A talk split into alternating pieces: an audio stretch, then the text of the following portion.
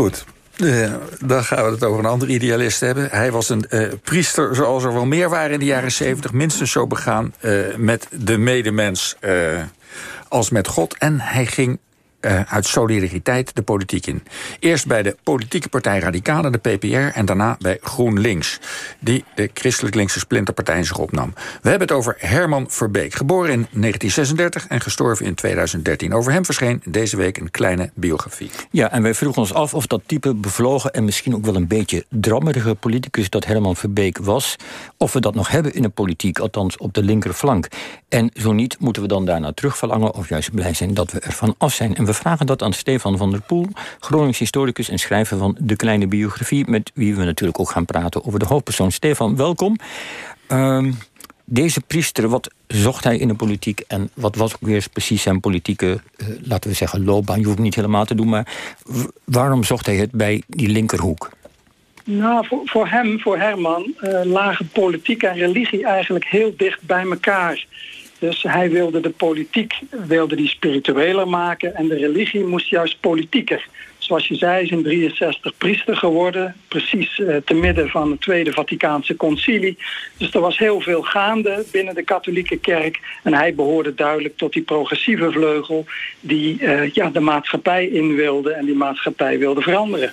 Ja, en je noemt het Tweede Vaticaanse Concilie, zonder daar nou verder op in te gaan. Dat is ieder geval de, het grote kerkvergadering die zegt... die kerk moet een beetje bij de tijd worden gebracht... en een beetje proberen te begrijpen wat er onder de mensen leeft... en niet alleen met, uh, met een ongrijpbare God bezig zijn. Maar even terug naar die politieke stap van Herman Verbeek. Hij zoekt het dan bij de PPR, een soort voorloper van uh, GroenLinks, uh, zeggen wij tegenwoordig. Wat was dat voor een club? Help ons weer eens even. Want ja. Nou ja, die PPR kwam eigenlijk voort uit de KVP, dus de Katholieke Volkspartij. En, en de meer progressieve lieden binnen die partij, die vonden de KVP te behoudend, vonden dat meer een belangenpartij. En de mensen van de PPR, die wilden juist uh, de principes uh, centraal stellen. Dus uh, dat radicaal, dat verwijst ook naar, naar het geworteld zijn in de, in de aarde. En vanuit die vanuit die overtuigingen wilde men de politiek in. Dus mensen als uh, nou ja, Ria Bekkers en Bas de Graaf Fortman... maar ook andere priesters als uh, Jan van Kilsdonk en ook Huub Oosterhuis aanvankelijk... die waren binnen die partij te vinden. Dus daar paste Herman Verbeek als, als priester en als, als progressieve katholiek... paste daar heel mooi uh, binnen. Ja, dat is zo'n ethische partijen, politieke partijen, radicalen, voor wie het niet meer weet. Partijen die met een hoge ethiek, uh, als het om de politiek ja. ging.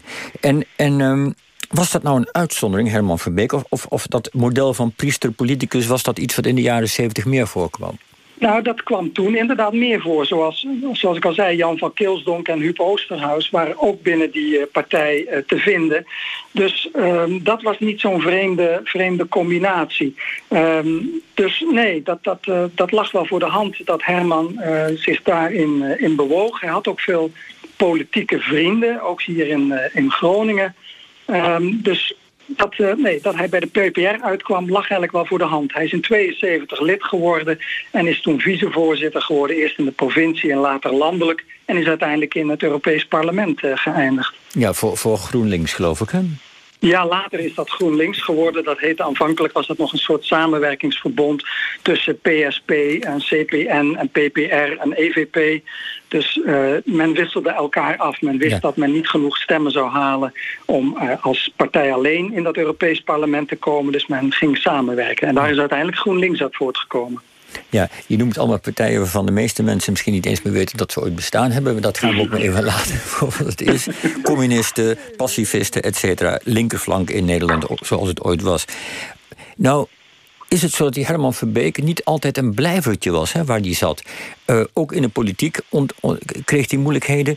Uh, uit jouw boek komt een, een, eigenlijk wel een getroubleerd mens naar voren. Was hij dat? En zo ja, waar zat dat? Zat dat in zijn jeugd? Nou ja, hij was inderdaad een getroubleerd mens. Hij, hij wilde eigenlijk ook voortdurend twee zaken. Aan de ene kant bleef hij een priester.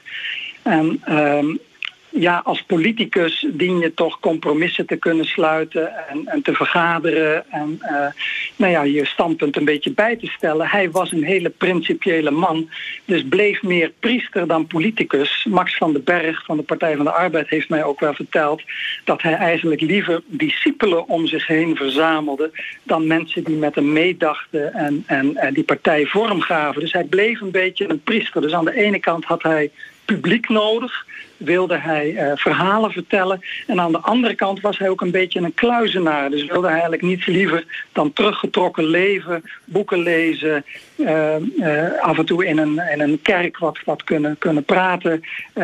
en die twee die botsten regelmatig met elkaar. Dus het was geen gemakkelijke man om mee samen te werken. En dat leidde dan vaak tot, tot breuken, ook binnen GroenLinks uiteindelijk. Ja, je, zegt hij was een man die het liefst discipelen om zich heen had verzameld. Dat klinkt vrij griezelig eigenlijk ook wel een beetje, hè, op een bepaalde manier. Want, want was die man, met alle, met alle, in alle respect hoor... want het klinkt niet als een man die heel erg geschikt was voor de politiek... en misschien überhaupt wel niet voor het menselijk bestaan.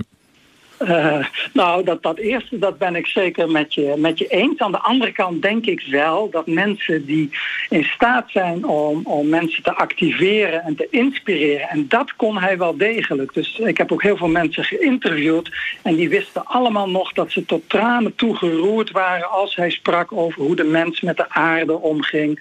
Uh, hoe het onrecht in Latijns-Amerika maar voortwakkerde. Uh, hoe dat kapitalisme toch alles behalve een vrij systeem was. Dus hij heeft heel veel mensen in beweging gezet. Maar als, nogmaals, als, politiek, als politicus um, was hij toch met misschien wel te veel nog priester. En um, ja, als mens had hij het ook niet makkelijk, want aan de ene kant verlangde hij naar nabijheid van die ander en aan de andere kant kon hij heel moeilijk mensen voor langere tijd om zich heen verdragen. Hij was dus ook een, een eenling. Dus ja, hij, hij stond heel moeizaam in het leven. Dat kun je zo wel ja, samenvatten. Ja. Ja, jij noemde net even eh, tussen neus en lippen door uh, Latijns-Amerika. Dat was in de jaren zeventig dat hij politiek actief werd. Was dat ook heel erg uh, het continent van, van, van linkse priesters en missionarissen... die daar een soort bevrijdingstheologie aanhingen. Heeft hij ooit overwogen die richting in te gaan?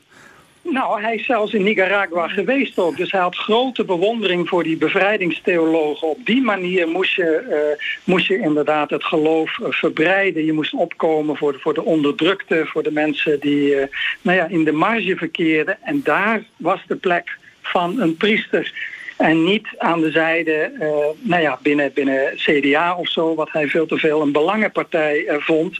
Hij vond dat die aarde anders moest. Als christen had je een opdracht. Hij zag Christus ook meer als een soort revolutionair. Die, die ook het, uh, de daad bij het woord voerde. En zo diende je als, als priester in die tijd inderdaad te leven. Ja, nu, nu begonnen we het gesprek met te zeggen en ons af te vragen...